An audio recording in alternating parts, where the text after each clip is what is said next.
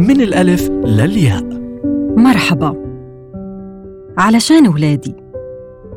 كثير سمعنا في حياتنا عن قصص النساء المعنفات اللي بتألمنا وبتوجعنا كل ما بنسمعها.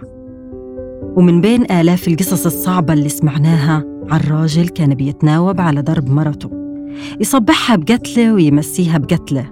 ومش بس هيك لا وبتجرأ يهددها بالقتل. نحكي لهم طيب ليش ما تنفصلوا؟ آه تنفصلوا عن شبح اسمه رجل معنف. ليش تضلي عايشة ومش عايش؟ تحت ظل راجل مش شايفك بالعين. وعلى طول بهينك وبضربك لا وبيتجرأ على راتبك وشغلك. برا الظهر علشان تصرفي عليه وبالآخر ما بتطولي منه أجار طريق لشغلك.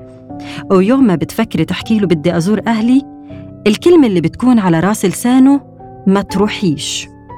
وإذا بتفكري تكسري كلمته وتروحي هطلقك. عفواً شو رأيك تحطها في باترينا ما حدش يشوفها غيرك؟ نرجع نحكي لها تطلقي شو بتستني؟ تصحي من النوم تلاقيه كاتلك بين إيديه؟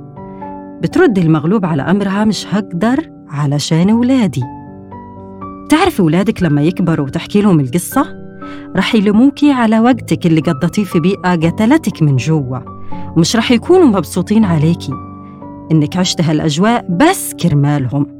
رح يحبوا تعيشي في جو أفضل من اللي كنت عايشة فيه ويمكن أهون عليهم إنك تتركي والدهم اللي ما احترمك وتعيشي بأمان يقدروا يستندوا عليه بعد هيك. ومن الألف للياء بنقول لك اختاري نفسك لأنه ما حدش رح ينفعك ولأنه الحياة ومغامراتها وتجاربها بتيجي مرة واحدة في العمر.